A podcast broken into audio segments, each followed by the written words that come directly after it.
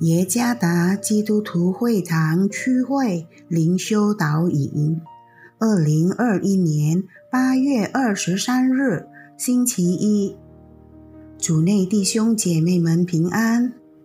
今天的灵修导引，我们要借着圣经《哥林多后书》第六章十三到十四节来思想今天的主题。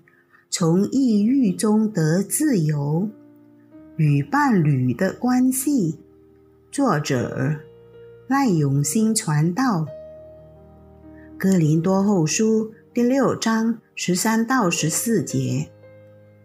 你们也要照样用宽宏的心报答我。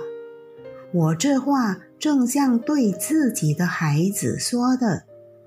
你们和不幸的。原不相配，不要同负一恶。义和不义有什么相交呢？光明和黑暗有什么相通呢？有很多人在建立关系方面对他们的生活伴侣感到沮丧，许多夫妻最终选择分开，因为他们无法为家庭奋斗。心理学家苏珊·海特勒博士 （Susan Heider） 写下了一段关系中的迹象。这些迹象表明你在这段关系中感到抑郁：一、你感到被支配；二、你感到被批评；三、你的伴侣对你发号施令。四，你的伴侣控制你；五，你的伴侣总是对的；六，你的伴侣粗鲁和易怒；七，你的伴侣不想和你分享。使徒保罗在给哥林多教会的书信中。也告诉并提醒他们，不可有不相配，也就是不相信基督的伴侣。参看《哥林多前书》第七章三十九节。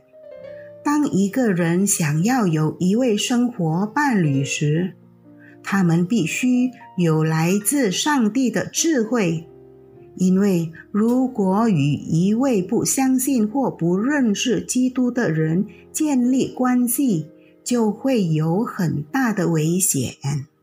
在哥林多教会当中，有不相配的伴侣，通常他们会影响当初信上帝的伴侣，成为像他们一样敬拜偶像的人。保罗不希望已经得自由的上帝子民再次被伤脑筋的事物所奴役，甚至变为抑郁，因为光明与黑暗不能结合。如果被迫而有一位不相配的伴侣，将导致沮丧、抑郁，并最终分开。使徒保罗劝勉每一个信徒要用宽宏的心对待上帝的真理。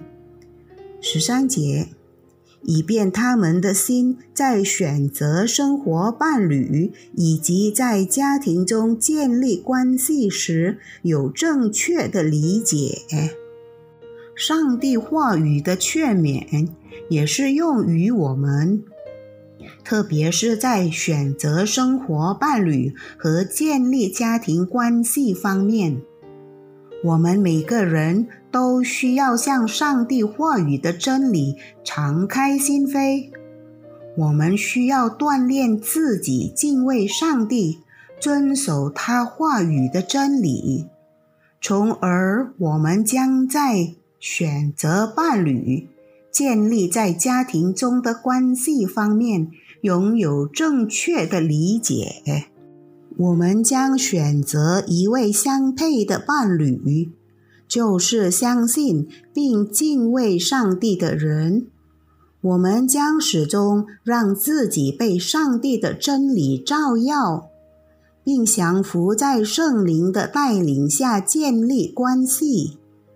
如果我们家庭里的其中一位因为恶劣的关系而感到抑郁，那么我们也需要一位辅导员、属灵群体来帮助，这样我们与伴侣的关系就会变得更好。最终，我们从曾经因为与伴侣关系不好而产生的抑郁中得自由。基督给了真正的自由。如果我们与伴侣的关系不好就来寻求那位真正自由的源头吧。主耶稣赐福。